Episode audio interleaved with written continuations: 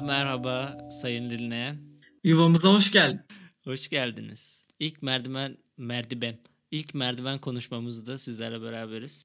Peki nedir bu merdiven konuşması Alp'ciğim? Nedir bu merdiven konuşması? Merdiven konuşması kat çıkılırken bilirsiniz merdivenler vardır. Burada yapılan konuşmadır. Bu bölümde ilk kat bizim için ne demekti? İkinci kat bizim için ne demek olacak? Bunu konuşacağız. Aylar aylar önceydi.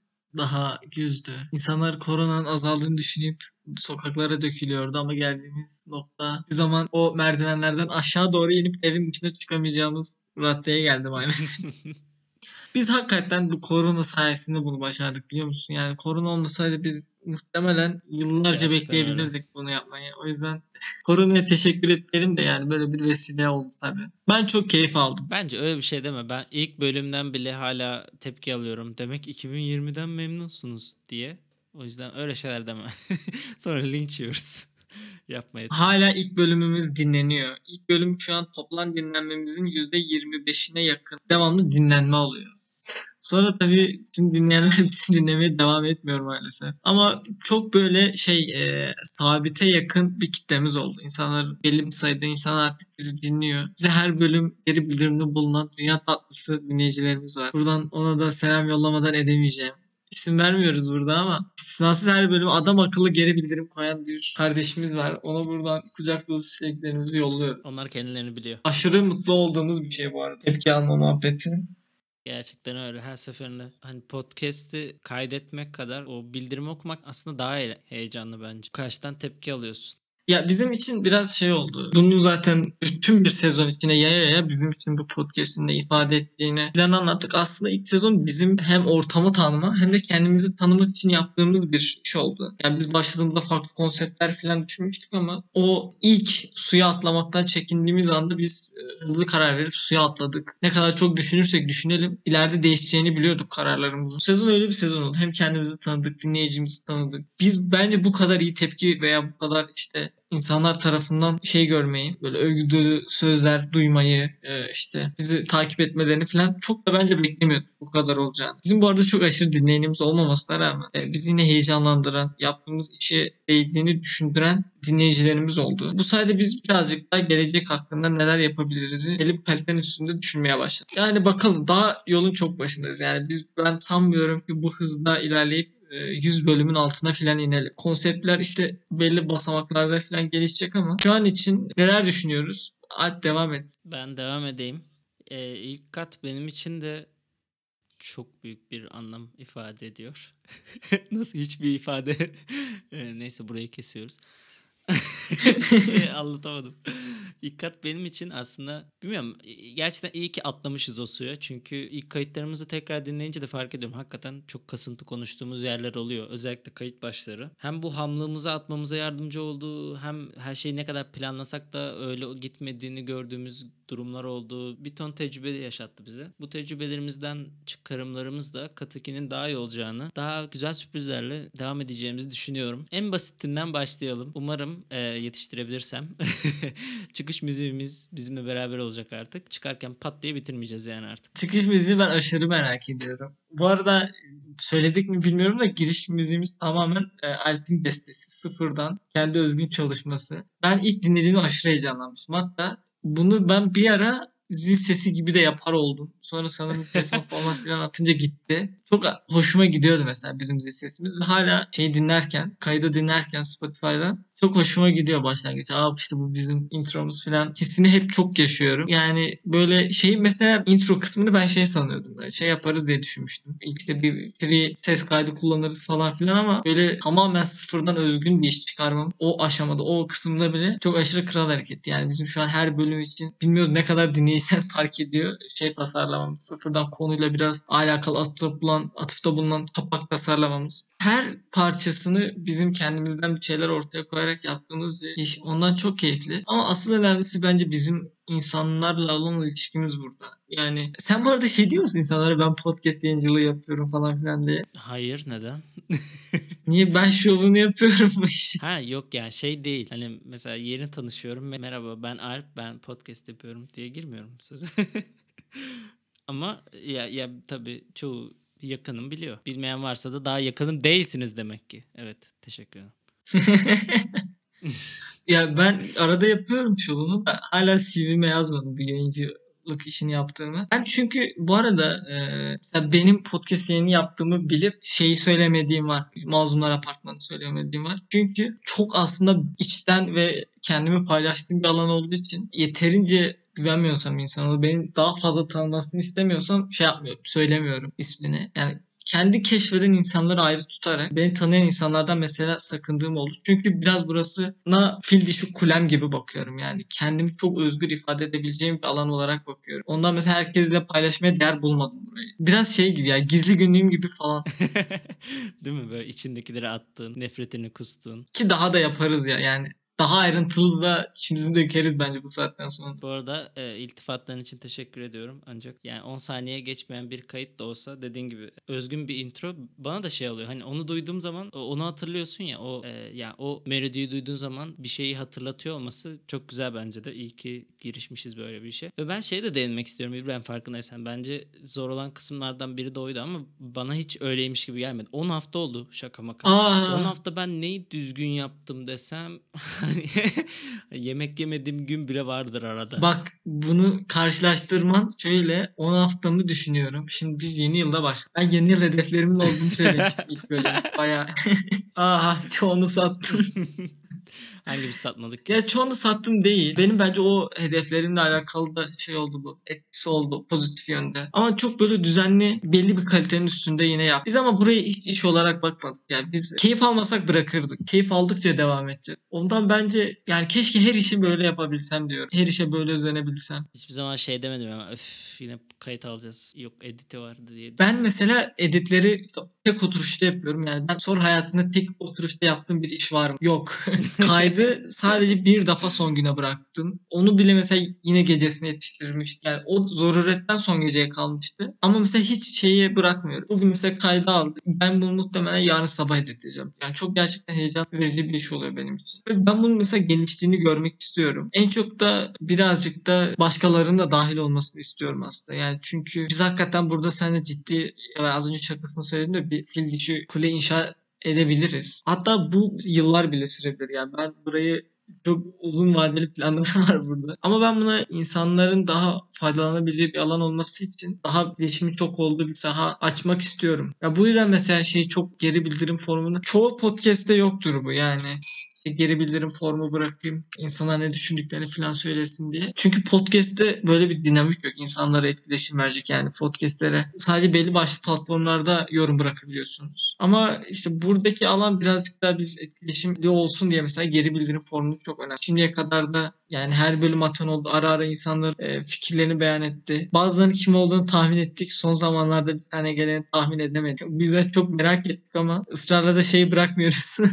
İsim soyisim hala sormuyoruz. Neyse hala merak ediyorum kim olduğunu. Kesinlikle beni sevmeyen biri ama neyse. O kendini biliyor. yani hoştu ya. Aa, ya. Ya ben bu arada bugün mesela çok sıkılıyordum sabahtan beri. Çünkü cuma sınavım var. Sınav haftasındayım ve rezalet hissediyorum. Gerçekten çok mutsuzum. Sınav haftalarında böyle bir benim depresif olma durumlarım oluyor. Ama mesela şu an şey olunca bölümü kayıt alacağımızı düşününce çok keyif aldım. Normalde mesela bölümü kısa düşünüyorduk da mesela yarım saat tamamlayacağız muhtemelen. Çünkü Klasik. ihtiyacım var bu. İbrahim'e site satma bölümü. Olur. Neden olmaz. Geleceği konuşalım. Biz aslında farklı konseptler düşünmüştük. İşte kısa olabilir, uzun olabilir. Birden fazla aynı anda konsept yapmayı düşündük. Çünkü bu işte bizim daha fazla keyif almamız için mutlaka geliştirmemiz lazım. Aynı konsepte hiçbir şey değiştirmeden bir yerde biz de sıkılırdık. O yüzden devamlı yine işimize gelen bizi heyecan katacak. Çünkü şöyle bir durum var. Biz bu işi yaparken kendimizi daha fazla zorlamazsak bizim aldığımız hazzı da azalacak. Bu çünkü mesela geçen bölümde bahsettiğimiz gibi trap dinlemek gibi bir şey değil. Bu yani devamlı bizim zorlamamız gereken bir konu kendimizi. İlk sezon konfor alanımızdaydık. Çünkü yeni başlıyorduk ve şey çok mantıksız olurdu. Kimseyi de dinletemezdik. Belli farklı standartları belirlesek. O yüzden hem kendimiz için hem dinleyici için bir konfor alanı yarat. Ama şöyle bir planımız var. Biz 10 bölümlük kısa sezonlar halinde devam ettireceğiz bunu. Yani şey olmayacak. Belki yine bazı aralarda bırakırız ama yani bu iş zaten dinlendiğimiz bir iş olduğu için tatil molası falan vereceğimizi ben pek sanmıyorum. Sezonlara bölmemizin sebebi her sezonun kendi içinde belli başlı konular, kavramlar, konseptler üzerinden gidecek olması. Yani ilk sezon biraz giriş işte bize alışın, sesimize alışın, bizim e, düşünme ve konuşma tarzımıza alışın diye. Yani öyle bir konsept vardı. İkinci sezonda farklı konular düşünüyoruz. E, Yani bir yani herhangi bir başlık belirle biz bu konuda henüz spoiler vermiyorum çünkü tam karar vermedik. Ya atıyorum bir sezon e, tasarım sezonu olabilir. 10 bölüm boyunca farklı tasarımla ilişkili kavramlar üzerinden bir şeyler yaparız. Farklı bir sezon tamamen böyle sanat üzerinden olur. Hardcore. Ve sanat tarihi hakkında konuşuruz belki. Ya bizim hayatımızda da yeri olan ama insanların bizden dinlemek isteyeceği konuları belirleyip bunlar üzerinden onar bölümlük ya da işte artı eksi 2 veya olabilir e, kısa veya uzun sezonlar yapmayı planlıyoruz. Aslında burada bizi dinleyen insanların fikri bence çok önemli. Ee, konu fikri açısından. Ya bizim az çok bir iki fikrimiz var. Bence belki burada direkt olarak pek şey yapamayabiliriz. İnsanlar tam olarak ne istediğimizi anlayamayabilirler. Bunun için herhalde bizim bir sezon örnek vermemiz lazım ama bir konsept belirleyip ikinci sezonda bu konseptten 10 bölüm çıkaracağız. Bu yine konsept için aslında şey çok geniş bir alanda yine çok sıkıcı olmayan hem bizim hem dinleyicinin eğlenebileceği şeyler seçeceğiz ama ya dediğim gibi işte her katın kendine ait bir rengi olacak. Yani Mazlumlar Apartmanı'nın her katı farklı bir şekilde tasarlanmış. içiyle dışıyla bir apartman olarak düşünebilirsiniz. Bakalım ikinci sezonun rengi ne olacak? Ve ikinci sezonla beraber yani şey yanlış anlaşılmasın. Kat bölümleri hala rutin olarak gelmeye devam edecek. Ek içerik üretmeye de çalışacağız. Bunlar da hani daha gücümüz yettiğince, vaktimizi ayırabildikçe yapabildiğimiz şeyler olacak. Ama katlar devam. Aynı hızla. Ya bu şey gibi hissediyorum İbrahim ya. Umarım öyle olmaz tabii de. Hani mesela her pazar ben haftalık planımı yapıyorum. Şu günü şunu yapmam lazım falan falan diye. Ama kaçırdığım çok oluyor sonra. hani o heyecanla yapıyorum. Çok iyi. Umarım bunda da kaçırmayız. Ki sanmıyorum yani şu an çok da bir yük bindirmiyoruz hala üstümüze. Ama e, kesinlikle ilk kattan daha çok çalışacağız gibi duruyor. Çalışmayı da isteriz aslında. İlk sezonun başlarında mesela edit bizim vaktimizi alan bir konuydu ama şu an tık hemen bitirebiliyoruz yani. Ondan oradan aldığımızı buna vereceğiz. Evet, belki ikinci katta da ilk başta zorlandığımız çok zaman alan şeyler olacak. Bizi yoracak ama ben de eminim ki onlar da zamanla alışılacak şeylerdir. Hızlanırlar yani. Evet. Bu bölüm ben daha böyle eğlenceli geçer sanıyordum ama bir yerden sonra duygusallaştım sanırım. Ağlarsan çok gülerim. Lütfen ağlama. Ayrıca ben ağlamayı kullanmıyorum da şey düş- son iki buçuk ayımı düşündüm ya. Son iki buçuk ay benim hayatım çok yoğun bir dönem. Çok fazla şey yaptım. Şu an mesela yeni iş almayı bıraktım. Yeni projelere katılmayı bıraktım. Çünkü önümüzdeki bir ay bitirmesem patlayacağım. Ondan en bu arada favori işim buydu. En böyle kral hareket. Bunu yapmaktı. Yani en çok bundan memnunum. Birçoğu beklentimin altında kaldı ama bu benim beklentimin üstünde kalan bir iş olduğu için sıkılacağım muhtemelen. Benim de öyle biliyor musun? Bazen şey oluyor. Diyorum ya hayatta hiçbir şey yapmıyorum ama sonra diyorum neyse yayınlanan bir podcast var. Kendime şey. Ve ben de biliyor musun iş alamıyorum. Geçen bizim bir e, bilgisayar grubu var yeni gelen öğrencilerin. Biri bizim okuldaki bir Teknokent'in bir bölümünde şey yap başlatmış. Tam olarak şey yazıyordu. İşte temel düzeyde web geliştiricisi kendini geliştirecek arkadaş aranıyor yazıyordu. Ben dedim Çok ayıp şey. yazamam. Çok şey oldu böyle. Keşke alabilseydim. Ama sonraya saklıyorum. Bakalım. Yazımı çok boş bırakacağım. Yazın aslında yapmam gereken yine çok fazla önemli şey var. Ama şey yapmıyorum. Küçük ayrıntı asla bırakmıyorum yazı. Yani gerçekten önemli bir iş sağlıyorum yaza yapmak için. Çünkü bu podcast'in ikinci sezonu bittiğinde benim okulum bitecek. Mayıs'ın başında. Sonra şey yapabiliriz. Oraya bence 2-3 bölümlük bir sezon bırakırız. 3. sezonu kısa tutarız. O ara ben hem finalleri çalışırım hem de biraz işimizi rölantiye alırız. Haziran başından sonra ben şey istiyorum ya. Buraya seviye atlatmak istiyorum. Yani biraz işleri büyütebiliriz. Peki ben sana şu soruyu sormak istiyorum. Gün gelir de Masumlar Apartmanı'ndan büyük olur muyuz İbrahim? Ne nasıl yani anlamadım bu soruyu. Yani Mazlumlar Apartmanı bir gün Masumlar Apartmanı'ndan büyük olur mu? Ha. Yani bakalım ya şey Masumlar Apartmanı yazamayıp Mazlumlar Apartmanı yazanlar artarsa Şey, o halde bile belki. çıkmıyor ki. Olsun gün gelecek o da çıkacak umarım.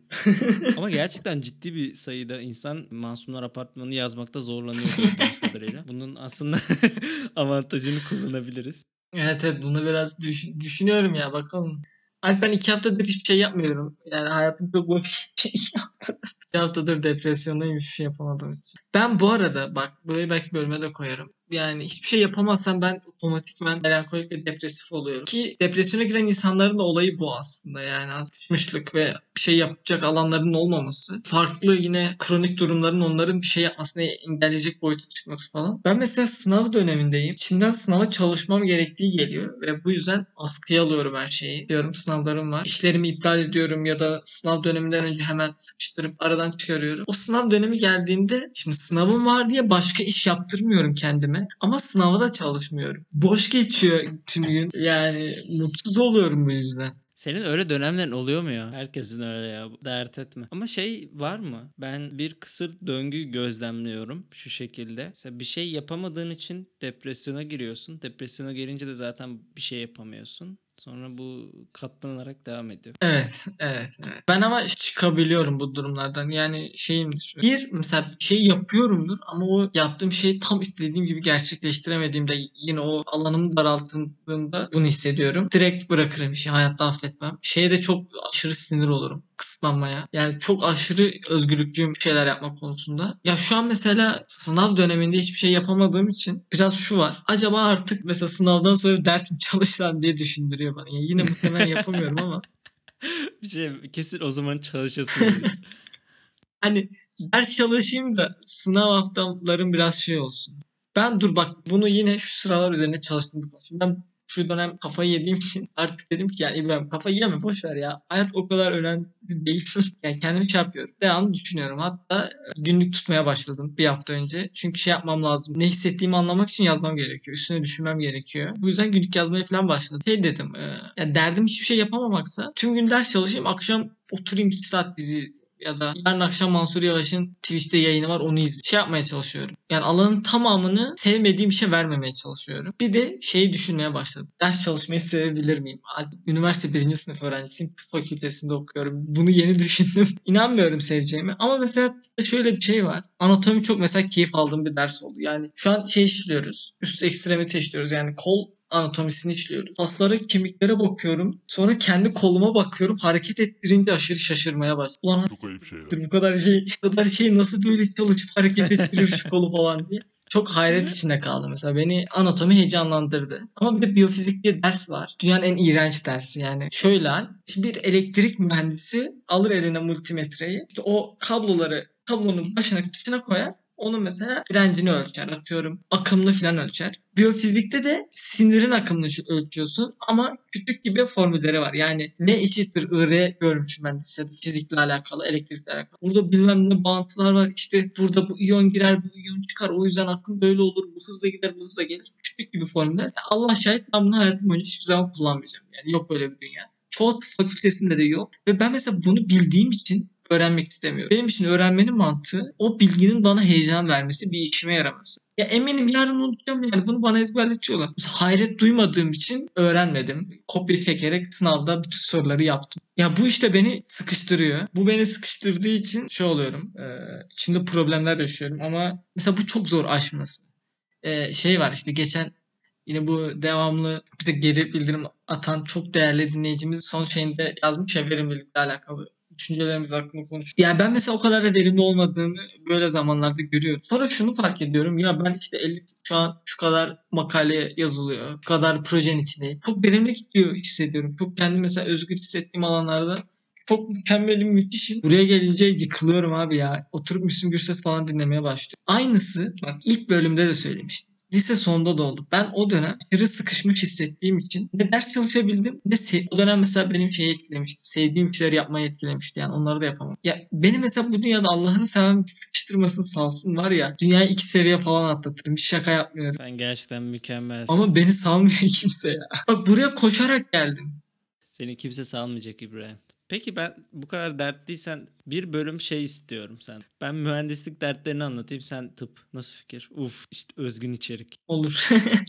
Ya ben o konuda çok şey değilim ya. Ben mesela şu an hala mühendis gibi çalışıyorum bir yerde. İşte içinde bulunduğum topluluklarda falan. Yani yaza oturup bir anda sağlıkla alakalı e, yapay zeka geliştirirken bulabilirim kendimi. O yönden ben mesela şeye baktım. Kendi meslek tanımını hiç lisedeyken mesela şey düşünürdüm. Ben ileride araştırmacı ve geliştirmeci olmak istiyorum yani. CV'me Researcher and Developer yazmayı planlıyordum. Çünkü heyecan veren şey buydu bana. İşte bu konuyu merak edecektim, araştıracaktım ve her zaman için o konunun nasıl daha iyi olacağını düşünüp onu geliştirmeye çabalayacaktım. Tıp okumaya ben ya benim bu geliştirmek istediğim şey insan sağlığı diye girdim. Halk sağlığına çok büyük ilgi duydum. Sosyolojiye olan ilgimden dolayı. Şimdi halk sağlığının geliştirilmesi benim için mühendislik konusu yani. O ne, ne kadar o disiplin içinde yetişmiyor olsam da kendimi o şekilde yetiştiriyordum. Ama biyofizik ben neyini geliştireyim? Yani Rabbim yaratmış o sinire o yeteneği vermişse bunu ben niye benim problemim Ya oluyor diye çok düşünüyorum.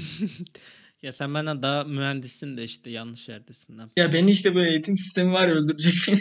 ya ben yanlış yerde olduğumu düşünmüyorum. Yani o yönden onu açtım. Yani ben burada da kendim bir saha yaratabileceğimi düşünüyorum ama işte hala eğitim sisteminin içinde olmak beni yoruyor. Ben şu an okulda girdiğim dersin 7-8 kad- kadar belki online eğitim yarısı neredeyse sınavlı yine ve sertifikalı aldım. Hepsi neredeyse işime yarıyor. Ya anatomide baktığın zaman işime yarıyor. Yani koluma bakıp hayret edebiliyorum yani. Anatomi de bir yerde işe yarıyor. Mesela insan fizyolojisi falan filan yine eğlenceli konular. Bu eğitim bile artık üniversiteye geçtik. Bu bile kötü tasarlan. Kötü eğitiliyor. Benim mesela içinde bulunduğum makale ekiplerinden bir tanesinde tıp eğitimi üzerine çalışıyoruz eğitiminin bir konsepti üzerine şimdi şeyimi satmayayım. Özgün fikrimizi satmayayım burada da. Ben her gittiğim kurumda böyle yıkık dökük enkaz içinde eğitilmek zorunda mıyım diye düşünmeye başladım yani. İlla ben mi yapayım? Çok ayıp şey. bir yerden de diyeyim böyle sistem mükemmel olsun ve ben oradan büyük haz alarak çıkayım yani değil mi? Sürüne sürüne çıkmayayım bu ülkede bir yerden de ya. Bu bu arada Türkiye özgü değil ya.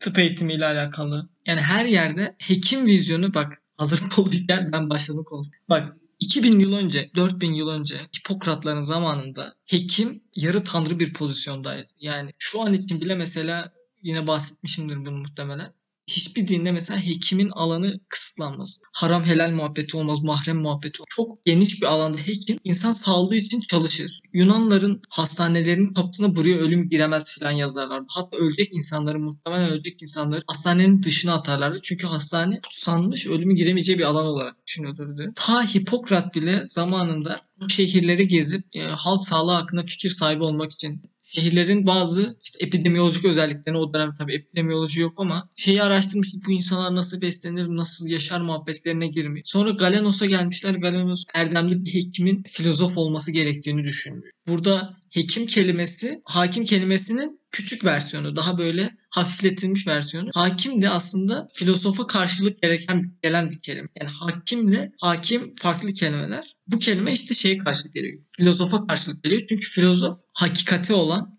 bir yönelişte ve yani hastalık gibi kötü fikre karşı, kötü düşünceye karşı savaş halinde olan bir pozisyonda olduğu için hekim de bunun küçük versiyonu hastalığa karşı savaşıyor ve bir filozof pozisyonu var hekimin. Ben bunları okuyorum. Sonra işte John Snow'lara geliyor. Adam epidemiyoloji biliminin kurucularından. İngiltere'de salgının sudan çıktığını ve bütün toplum etkileyişini keşfediyor. Türkiye'ye geliyoruz. Nusret Fişek var Ankara'da. Hoca halk sağlığının Türkiye'de çok önemli bir yere gelmesini sağlamış. Türkiye'de sağlık ücretsiz hale getirilmiş. Salgınlar birkaç yıl içinde dünyada örnek olacak bir şekilde yenilenmiş. Çünkü misyon sağlığın geliştirilmesi, toplumun sağlığını geliştirilmesi. Sonra şak 1980'de Türkiye'de sağlık sistemi değişiyor. Sağlık artık bir sektör ve endüstri haline geliyor. O gün bugündür dünyada hekimler sağlık hizmet sunucuları değil, sağlık hizmet satıcıları olarak yetiştiriyor. Sen mesela şu an başım ağrıyor diye Google'a yazarsın. En üst sırada iki tane Türkiye'nin en büyük hastane zincirinin web sitesinde başın ağrıyor o zaman kanser olabilirsin. Baş ağrıması çok tehlikeli de yazıp insanlara hastalık satıyorlar. Sen ya acaba ben kanser miyim diye hemen atlıyorsun gidiyorsun nokta nokta hastanesine. Sen orada daha asansördeyken sana bir tane ameliyat yazıyorlar.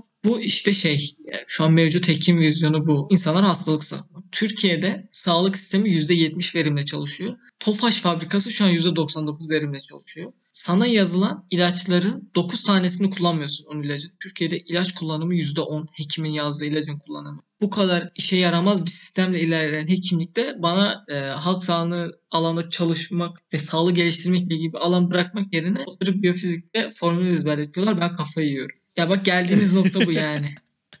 Abi zevkle dinledim. Bir, bu kadar bir posta daha koyacaksan Ya dinlerim. ben bu postayı daha uzun koyacağım var ya. Buradan ana avrat küfür edeceğim herkes. Çok doluyum. Abi ben senin bu kadar büyük bir cevher olduğunu bilmiyordum ya. Sınav haftalarında ben- mı doluyorsun böyle? evet.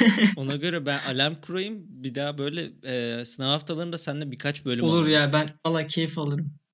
Biliyorsun insanımız bir şeylere sövülmesini seviyor. Özellikle iyi olduğu düşünülen şeylerin farklı bir bakış açısıyla yerin dibine vurulması hoşuna gidiyor insanların. Yani neden olmasın İbrahim? Bence belki de buradan kırarız. Köşeyi buradan atlatırız. Ya yani. mesela bu sözü çoğu hekim bilmiyordu. Şey mesela duyuyorlar. Önce zarar verme diye bir hekimlik mottosu var. Latincesini hatırlamıyorum. Bunun mantığı sana bir hasta geldiğinde e, onu tedavi etmek için çabala zannediyor. Ama halk sağlığı mottolarından biri de tedavi etmek başarısızlıktır. Yani bir insanı hastalıktan koruman gerekiyor bir hekim olarak. Bu vizyon mesela hiçbir zaman verilmiyor. Çünkü bizde işte e, tıp okuyacaklar. İşte YKS ile gelmişler. YKS çakması tuz sınavına girecekler. Sonra gidip işte onlara e, çok para kazandıracak bir e, uzmanlık uzmanlığa sahip olacaklar. Türkiye'de mesela şeylere bakıyorlar. Tıp fakültesi ne kadar tuz kazandırmış. Halbuki bir sağlık sisteminin en önemli parçası birinci hizmet, sağlık hizmetleridir.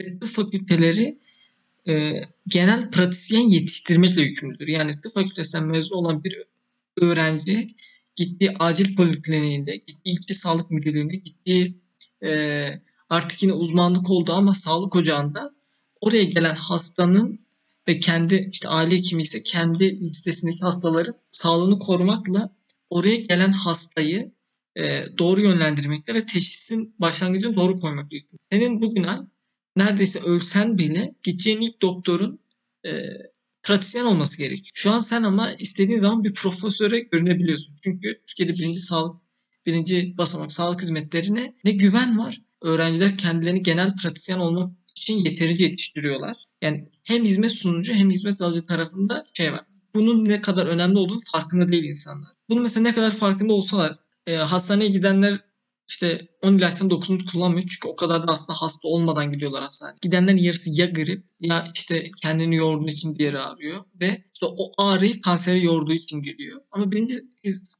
basamak sağlık hizmetine gidip e, işte doğru bir şekilde oradan öğrense hop iki günde iyileşecek evine dönecek. Ama mesela bu işte e, insanlarda sağlık okur yazarlığı da çok. Arkadaşlar e, şeylere güvenmemesi gerekiyor hiçbir insanın.